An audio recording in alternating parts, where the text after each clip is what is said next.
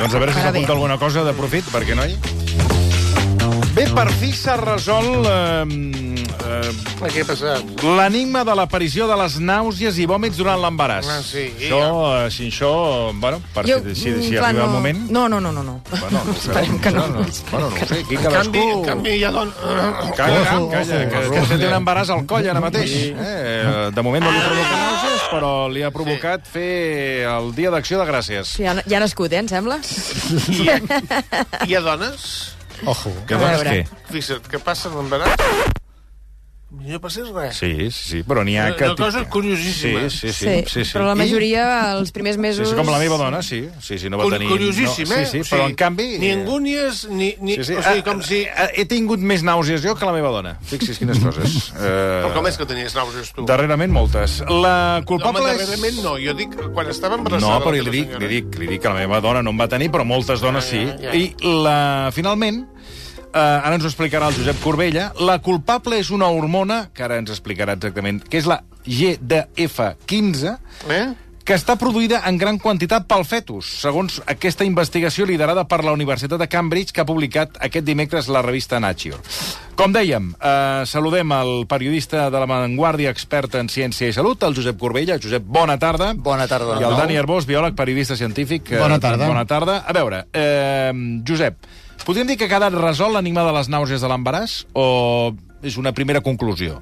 No, no, està... Està resolt. Està resolt en gran part, sí, sí. Aquest és un tema que és molt freqüent. 70% de les, dels embarassos hi ha aquest problema. L'altre 30% no, com diu el senyor Marcelí. Ah, veus? Eh? Hi El- que no. I que, curiosament... Un 30%, Sí, ha, exactament. ha estat molt poc estudiat. Segurament, si eh, aquest problema afectés els homes, que són els que històricament Bueno, també, han fet també. més recerca, eh, doncs metges investigadors s'hi se hagut- n'haurien preocupat Hi més. hauria hagut més interès, no? I aquesta despreocupació mm, ha estat té conseqüències, no tant per aquells casos més lleus, que durant el primer trimestre ja se, se superen, sinó perquè hi ha un petit percentatge de casos que arriben a ser extremadament greus, eh, que poden arribar a causar fins i tot eh, a requerir ingrés hospitalari, com li va passar a l'actual princesa de Gales, la Cat Catalina, que va ser ingressada. En alguns casos arriba a morir el fetus i en alguns casos pot arribar a morir la mare, cosa que actualment amb la medicina actual no, no passa aquí, però pot arribar a passar. Mm -hmm. I, en fi, eh, i, i ara, finalment, eh, després de tants anys de desatenció d'aquest problema, doncs tenim Bueno, una resposta. els metges deien, bueno, això és normal, eh, Sí. forma part del, De l'embaràs. de l'embaràs, però no buscaven el per què es produïa això. I ho produeix el fetus, eh, segons aquest informe? Efectivament, és una hormona... que- Aquesta hormona, la GDF15, um, la produeixen múltiples òrgans i teixits del cos humà. El que s'ha vist ara en petites mm. quantitats. Sí. El que s'ha vist ara és que quan comença l'embaràs, eh, la quantitat mm. de GDF15 es dispara. Mm. Aleshores, amb, un, amb una investigació molt enginyosa, perquè Sí. la pregunta és, es dispara perquè el produeix la mare o el produeix el fetus? Exacte. De manera molt enginyosa han esbrinat que és el fetus el que la produeix. Um, a més a més, han vist que com més en produeix, més probable és que les nàusees i els vòmits siguin més intensos, i després depèn d'una altra cosa molt important, que és el nivell que produïa la mare abans de l'embaràs. Ah. Si en produïa molt poc, aquest eh, increment eh, brutal que produeix el fetus, com que la mare no estava acostumada, fa que el quadre sigui molt més intens mm -hmm. i pugui arribar a ser molt més greu. Mm. Si la mare en produïa més, aleshores el problema és menys, menys greu, no? Mm. Um, um, ens has apuntat que la investigadora clau d'aquesta bueno, de- de- de- d'aquestes conclusions és Marlena Fe, eh, Ferzo, que eh, gràcies a ella es va començar a fer aquest estudi. Explica'ns una mica quina és la, la història de Marlena Ferzo. Ferzo. Doncs Té un és- cognom Sí, complicat. complicat, eh? complicat. Ferzo. Feizo. És, és californiana, és- s'escriu. F-E-J-Z-O. Clar, però digo, Està, fe- com, com Feijó, però amb Z en lloc de Sí, J. bueno, millor- Feijó. Feijó. Sí. Uh, en fi, és la veritable heroïna d'aquesta investigació. A és veure, una, per què? És una genetista que Mhm. quan tenia uns 30 anys, l'any 1996 va, tenir un, va quedar embarassada del seu primer fill, eh, es dedicava a la genètica del càncer de mama. Va tenir un mal embaràs. El primer trimestre va tenir moltes nàusees, però va tirar endavant, va, va néixer el fill sa, cap problema. Tres anys més tard té un segon embaràs i aquest va anar molt pitjor. Vaja. Um, es va trobar molt malament. Els metges li van dir que era una qüestió psicològica, que sí. això ho feia ella per cridar l'atenció. Psicològica. Això s'ha dit durant molts anys. És que és I, increïble. I recentment, a França, recentment, fa no gaires anys, no recordo l'any Les exacte, nàusees però que eren una qüestió psicològica. Però agafar-se la baixa. Hi ha hagut un protocol de la Societat de Ginecòlegs de França dient que això no s'ha de dir. Però això és recent, és de fa potser 3 o 4 anys. En fi, la, a la Marlena manies, Feiso, manies dones. per agafar la baixa. a 1999, té un quadre eh, molt, molt agut de...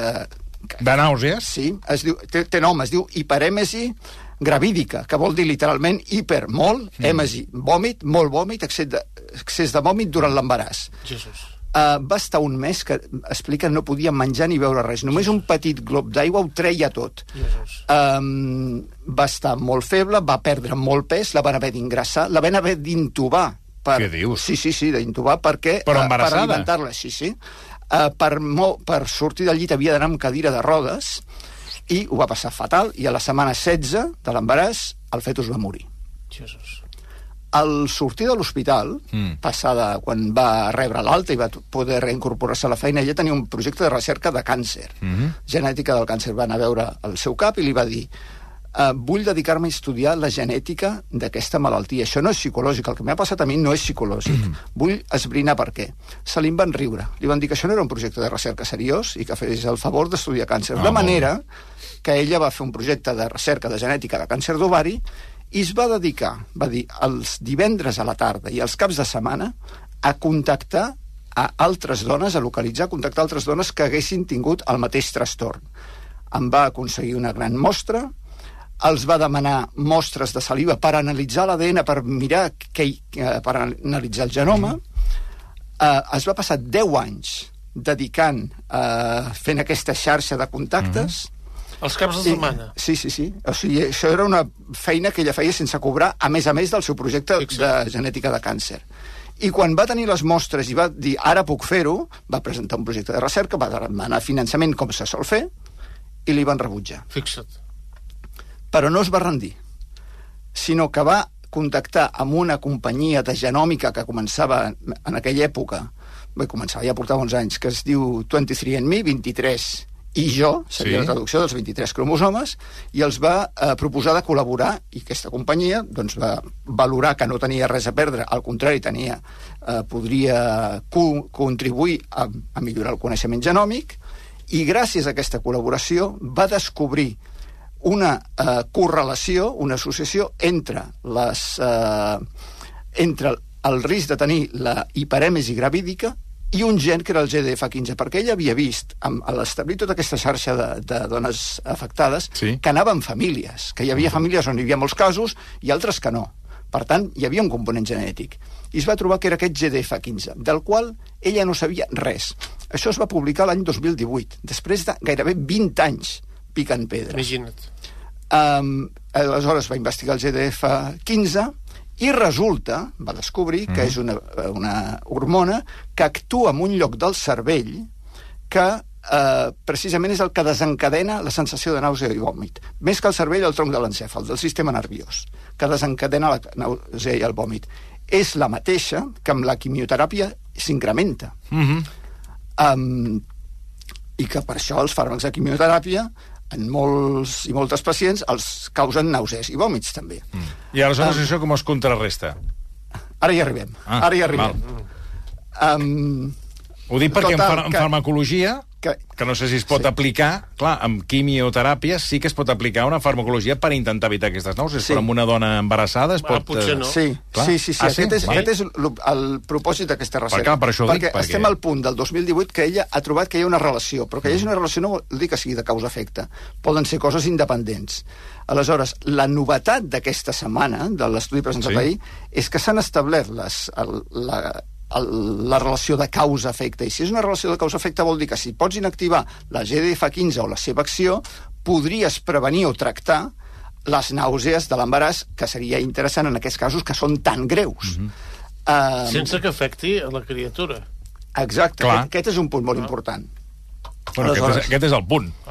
Uh, hi ha dues maneres de fer-ho.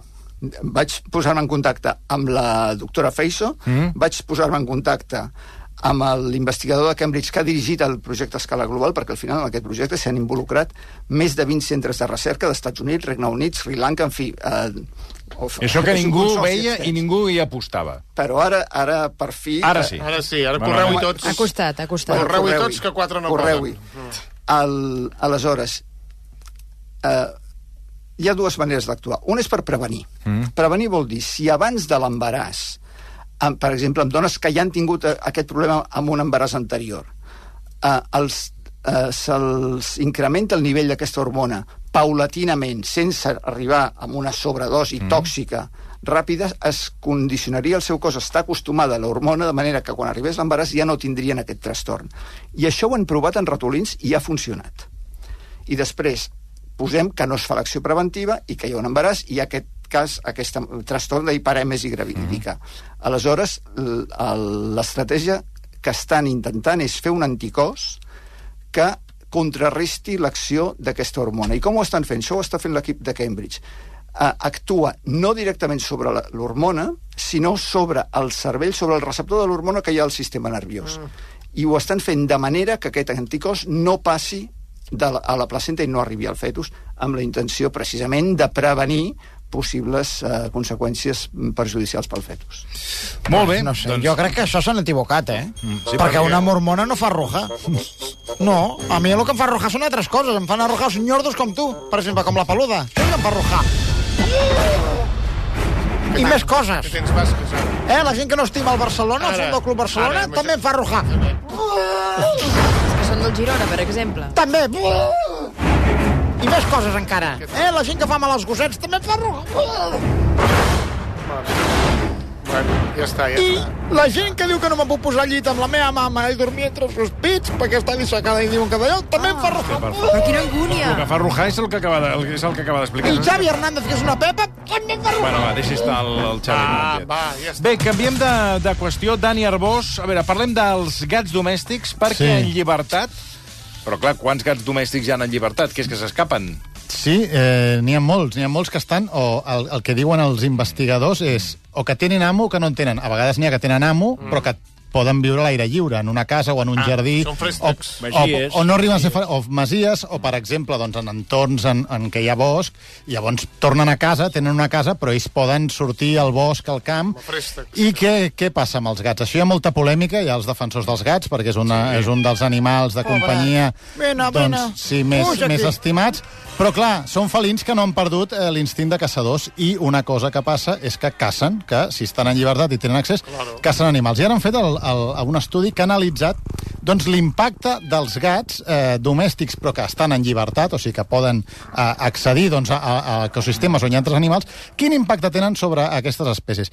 I han vist que molt, que realment són felins que cacen i cacen molt i que eh, són depredadors per més de 2.000 espècies. D'aquestes espècies, Rates. la majoria són aus, però també hi ha rèptils, mamífers, insectes, amfibis, i poden arribar a ser un problema perquè algunes d'aquestes espècies doncs, estan doncs, eh, en, en perill d'extinció Mm. o, tenen, o hi ha preocupació per la seva conservació.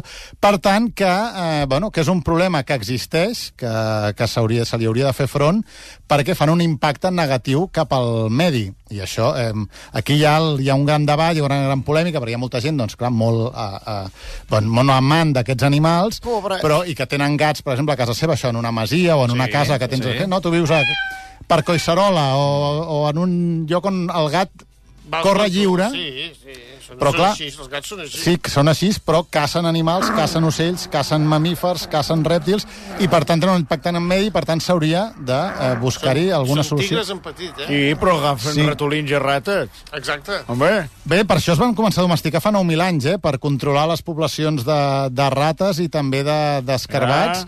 però clar, eh, fan molt més impacte molt més enllà, i per tant, en aquest sentit, eh, Sí, sí. bueno... Mm, Però mira, estem Sí, atrapats digui. si les gates no fan gats, eh? Sí, estem atrapats? Estem atrapats si les gates no fan gats. Per què? Per això mateix que t'estava dient. Per què estem atrapats? Estem atrapats Sí. si Sí, les sí, no. gates no fan Això gats. m'ha que quedat, la- això m'ha quedat clar. No, no, la tarda és... Eh, di- o sigui, s'argumenta una cosa per part del senyor Marcelí o del senyor Regasens, eh? i a partir d'aquí ja no, Ja no sortim, eh? ja no tenen res més a, a desenvolupar. Que és el que estàs Bé, fent. doncs, Repeteix el- la frase. el- jo trobo que No, és- una altra perquè vegada. que, que, que no ho enteneu. Caixen No, rates, però escolti, eh? ara seria al Que revés. cacen les rates i Cacen les ratolins rates i i tot de ratolins, bèsties eh? perillosíssimes. No, ara no, cacen Contra moltes les- bones, o contra sigui... les persones. I te la Són porten, eh? bèsties perillosíssimes. Això abans potser era així. Ara el que s'està veient és que potser... és atrapats el- si les gates no fan gats. No, potser estem atrapats si les gates fan gats. Hauria de ser al revés. Vull dir que Sí, s'ha de home. controlar, sobretot, Aneu la fent. gent que té gats, Aneu que els fent. deixa en llibertat, doncs, que són caçadors. I te'l porten, eh? Te'l porten, te Te'l porten com a premi, eh? La rata o el, la rata o el ratolí. Que ho Sí, vegis, no? Bueno, a veure, eh, parlàvem fa un moment de l'embaràs eh, i ara el Josep Corbella ens vol parlar de l'efecte del cannabis durant l'embaràs que augmenta el risc de tenir un nadó de baix pes i perjudica el desenvolupament del seu cervell. Eh, no sé si Eh, Josep, calia un estudi per confirmar això, perquè ja es veu venir, sí. perquè es produeix també amb la gent que en consumeix en excés, que mm, no només eh, augmenta el risc de tenir, o sigui, de tenir un baix pes, sinó també un baix pes eh, al cervell. Al cervell fins que se'ls hi seca. Home, eh, calia un estudi, sempre és millor tenir un estudi. Sí, bueno, però ja, ja ho veus, eh? Ja ho veus, només cal que Mira, parli, el problema de- ha gent Mira, que se li va, a base de, a base de cannabis, ja els veus que se'ls hi va secar. Com estàs? Se'ls hi va secant el cervell, que dius, no, si aquest eh, ja li queda... En fi, cam, camina per inèrcia. El problema del dir ja ho veus mm. és que el que tu veus potser una altra persona no ho veu. Ah, no, clar, Ah, no, sí, clar. sí. I amb el tema del cannabis hi ha segurament una percepció generalitzada que és un Estupendo. producte de baix risc, Sí, sí, sí. en part potser perquè té propietats medicinals. És salut, eh? Bueno, aquest és el rotllo, aquest és el rotllo, és l'excusa de tots els que se'l foten, que no, que al contrari, que És salut mejor que el que és tabaco. molt més, és millor que el tabac, mm. és més saludable i... Es hierba Ah, natural. aquest, Don- aquest, doncs aquest és per la... relaja, doncs tete, relaja. El que cal són estudis, investigacions ben fetes que et donin dades concloents. No, no, per clar. això feia falta. Que no és gens fàcil fer-los. Si quieres estudiar, empieza a fumar. Oye, ¿te puedes callar, Majo? Que estamos aquí con el Josep Corbella. Que no lo Clar, no és gens fàcil de fer perquè com es sol avaluar el consum de cannabis amb enquestes? I les enquestes no són fiables perquè la gent de vegades Menteix! o, o té una percepció esbiaixada Sí. ¿Qué tal la que tengo en la cesta? i després perquè la persona que consumeix cannabis pot consumir altres productes, altres substàncies, tabac o qualsevol Sí, tot, altre, tot, o, tenir, o ser sedentari o el que sigui, i és molt difícil esbrinar què és degut al cannabis Ah, esclar. i què és degut a altres factors. I la gran virtut d'aquest estudi és que per fi aporta dades concloents sobre aquesta qüestió. S'ha basat, és un estudi fet amb unes 10.000 dones embarassades dels Estats Units i que de manera voluntària han aportat mostres d'orina al llarg de l'embaràs en cada trimestre i amb aquestes mostres d'orina s'ha pogut analitzar els compostos procedents del cannabis i d'altres substàncies, com per exemple el tabac. Uh, de manera que s'ha pogut veure a l'exposició al cannabis en cada moment de l'embaràs i quina relació té això amb després el desenvolupament del fetus. Per tant, els resultats ens donen una base sòlida que ja val més enllà del dir és evident, sinó les dades són les que són.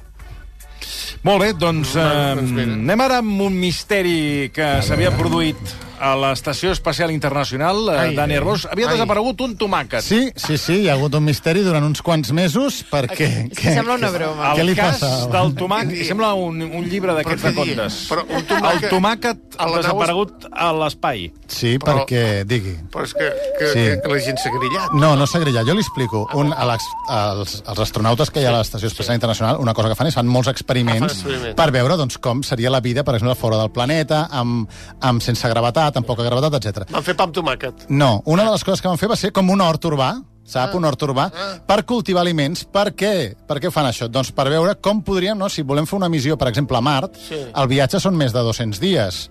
Eh, 200 d'anar i 200 de tornar, 200 i escaig. Per tant, una manera de produir aliments. Llavors, en aquest cas, doncs van fer un hort urbà en qual produïen eh, uns tomàquets i, a més, feien el mateix cultiu aquí a la Terra, exactament igual, Amb les per mateixes comparar... llavors? Sí, amb- per comparar si anava millor, si anava pitjor. Sí. Per exemple, què van veure? A l'Estació Espacial Internacional van créixer 12 tomàquets, Ah. quan en les mateixes condicions... Tomàquets o tomaqueres? No, Tomàquets, tomàquets, tomàquets. tomàquets. Van sortir 12 12 tomàquets. tomàquets. Mentre que a les mateixes condicions a la Terra, Vol un 100. dibuix, un croquis, del que és un tomàquet?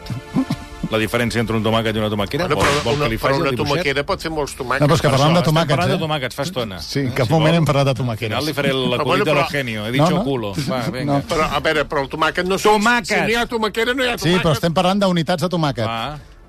En 12 unitats, 12 tomàquets. Sí, ja tomàquets, està, és que... tomàquets. Però aquí hi havia una tomaquera sola. No, hi havia diverses tomaqueres que van fer 12 tomàquets, i a la Terra la mateixa quantitat va fer 100. Això, per exemple, 100. 100. Per tant, vol dir que les condicions... Això és molt interessant per veure per què. Per què les condicions Però són que tan no òptimes. estaven ensulfatades, que has de tirar sulfat de coure. Pot callar Bueno. una estoneta, que hi ha molta gent Això- ja que això ja ho estudiarem. Que li està a punt de patar el Ah, sí? Qui ho diu? Plasta, doncs Bé, diuen oients que m'ho estan... doncs fent aquest experiment, què passa? Va desaparèixer un tomàquet i es va culpabilitzar el Frank Rubio, que eh, era el- Qui és Frank Rubio? era l'astronauta que s'encarregava de cuidar aquests tomàquets. Se'l va fotre.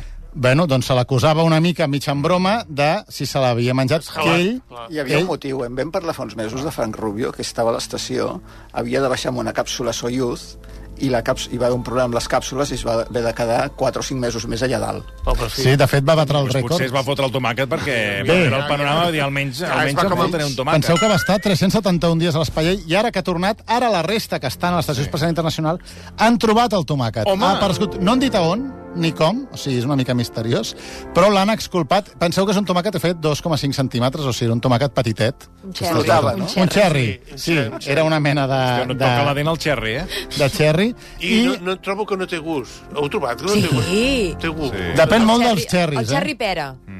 Cherry pera? El xerri pera és boníssim. Ara cherry pera. Sí, hi ha molt tipus de I on cherries. l'han trobat? No, no ho han dit. Però no què va anar? Se'n va anar volant i es va Bueno, col·locar amb Bueno, és que, esclar, com que no hi ha gravetat... Sí, sí. Però ell diu que va estar... Eh, Tot, com... Tota la tarda han d'anar dient el que els hi rota, els dos? Però ara qui, que, qui s'ha queixat, ara? Bueno, veritat. doncs, Però ara imagina't, ell va No, és que destinar... no vull imaginar res. 12 tomàquets... Silenci. Heu de pensar que el, el, el Frank Rubio va dir que va dedicar en total, sumant el temps, com 17 o 18 hores Jesús. buscant el tomàquet en la seva, en la seva Home, permanència a l'Estació Espacial Internacional perquè no entenia on s'havia ficat. Clar, penseu que a l'Estació Espacial Internacional hi ha, Hi ha hi ha, racons, hi ha hi ha molts racons. racons, sí, hi ha molts racons, hi ha moltes coses. Era un tomàquet petit. Ell va baixar, mm, ten- hi havia aquesta, se li feia mofa sobre aquest tema dels, del tomàquet, i ara els seus companys l'han exculpat i han, han trobat el tomàquet eh, Era el perdut. pocholo de l'estació espacial. Sí. ¿Quién me ha robado mi bolso? Exacte. No, eh, ¿Quién me ha robado No, no era bolsa. mi bolsa? O no La sé què? motxilla, la motxilla. La motxilla. La motxilla. ¿Quién me ha robado? No, i era que li havien trencat. ¿Quién me ha roto? La mo... no, Hosti, no? quina memòria. Home, De, de fric, uh, fricadica. Home, és que- Perquè això és memòria de frica. Sí, ¿quién me ha roto la mochila? Sí, sí, per Sí, tant, home, aquí era i quién, quién- me, quién me ha robado el Però tomate. al final... I quién me pone la pierna encima? Sí, l'han trobat, el tomàquet. gran- Han trobat el tomàquet Sí, han trobat el i no tomàquet. se sap res més. No, no se sap on l'han trobat ni res, però que la, però l'han trobat, l'han I trobat. l'experiment un desastre. Pel No, No, no. bueno, no, home, és molt interessant veure, ara han de veure per què no ha fet tants tomàquets les tomaqueres senyor Marcelí, perquè hi ha tots tomàquets de X tomaqueres. No sabem quantes tomaqueres si la tenien. producció són eh, 12 tomàquets Sí, cherry i anem malament. dos centímetres i mig, la humanitat a la que marxi de la Terra Home, passarà no. molta gana, Home, eh? Es jalaran uns amb els uns altres. als altres, sí. Escolta, abans que marxis, um, els pingüins són experts en fer migdiada? Són els reis, eh? De fer micromigdiades. És molt interessant, això. Sí, sí. Sabeu com dormen? Fan migdiades de 3 o 4 segons. Sí, sí. Però en fan com 10.000 al dia i això fa que acabin dormint 11 hores al dia. Perquè què els hi passa als pingüins? Mm. Eh, viuen en parella en general, però un dels dos s'ha d'anar d'anar a buscar menjar, que a vegades no està a prop, i l'altre ha de cuidar les cries, ha de cuidar els pollets i vigilar, de... i vigilar els depredadors. Això, ja, el- el- Això és un estrès, el, eh? El Happy Feet, hi ha un- eh, que hi ha el Happy Feet 1 i el 2, que pateix... Bueno, escolti, Quan el sí, que vostè, sí, que vostè parla amb el Soc educat, pingüí. contesto? Bé, doncs els investigadors deien com s'ho fan per, mentre un està buscant menjar, els altres com vigilen les cries, els ous. Doncs una manera és vista que no dormen, estan com desperts Sí, i dormint sí, sí, les 24 estan- hores del dia. a mi em passa el mateix. Aquest... A mi em passa el mateix. Sí, Jo-. I, a la, i, a la, i li diré més, a la Xinxó avui també li ha passat. A la primera hora de programa, que es Ah, sí, pensa que no? l'he vist, Ha fet una micromigdiada. perquè jo ho veig tot. I ha fet uns microtalls Ha fet micromigdiades. que he pensat, després quan arribi el moment dels pingüins ho comentarem. Ha fet uns microtalls de, de, de migdiada, perquè de 3 a 4 l'he li he agafat el, És que- el baixón. Jo, jo sempre em passa que quan acabo de dinar hi ha un moment que... que el... De microtalls? Sí, sí, uns petits microtalls Perquè que necessito... que la sang, la sang Sí. te va cap a l'estómac. doncs ets com un pingüí, ets com un... Però no, no he tancat els ulls, no? No els he arribat Sí, a tancar, t'he sí? vist que... I em recuperaves dissimulant, que he pensat, no, no digui res. Jo, jo he pres... Però he pensat, quan arribi el moment pingüí ja ho comentarem. Jo, per exemple, ara en rebono i estic dormint i no em sembla, Sí, sí, eh? I estic fent una micromigdiada. Pues a veure si dorm o es mora i calla una estona. Pensava que ningú se n'havia donat. No, bueno, hem vist, hem vist unes desconnexions. Dic, mira, està aquí la Xinxó. Bueno, els pingüins poden dormir tant d'en peus com estirats, eh?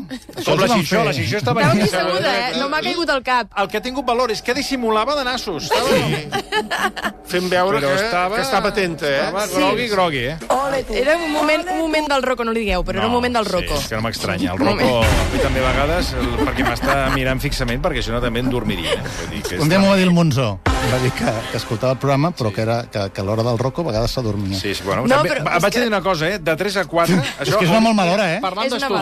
és una És una molt mala hora. Parlant d'estudis, s'hauria de fer un estudi de què passa de 3 a 4 de la tarda i, que jo he fet, eh, he treballat a la nit, què passa de 3 a 4 de la matinada. Els pitjors moments, quan jo he fet nit a la ràdio, els pitjors, les pàjares pitjors que he passat, sempre quan arribaven les 3, i era el, aquest període de 3 a 4, era Criminal. horrorós, criminal. Ja em carregava de, co de Coca-Cola, de cafè, o sigui, ja em estava superdopat. Però és igual, no? ja Arribava, a- arribava a les 3 i era, hòstia, era horrorós. Això hi ha estudis que quan és més fosc i quan fa més calor és quan hauríem d'estar dormint. O sigui que al final el cos humà està adaptat com per dormir en passava- dues pares del dia. Sí, a mi em passava l'hivern, també, eh? però bueno. No, bueno, però que, que durant el dia, en, quan és més fosc, que seria Que pues, estaves això... al ras, estaves al ras. No, no, però era, horror, era la veritat, eh? era horrorós. De 3 a 4 és que eren unes pàjares i al migdia també crec que passa. Per això Sí. avui la Sí, Cinció sí. ha entrat en, ha entrat en una barrena. mica Has amb fet petit catar, petits catar, un petit... Sí, sí, sí. està. Micromisiada. Micro, micro, Micromiciada com els pingüins. Bueno, per tant, en fan quantes? Ui, en 10.000 fan al dia. 10.000 al dia eh, de segons, eh? I a mi, jo també ho faig, eh? Però no tots els pingüins, eh? No, són és una- el, aquesta és una espècie que són els carablancs. Pingüins Ah, carablancs. Jo sóc blanca de pell, Sí. podies, podies això? A veure si Això seràs un família. pingüí. A seràs un pingüí. A no t'estranyi mai. Bé, Josep Corbella, Dani Arbós, eh, moltíssimes gràcies. A vosaltres. Eh, Vosaltres. Mira, A aquí amb la música del Pingo. També nassos que acabem amb el Pingo. Va, ara tornem.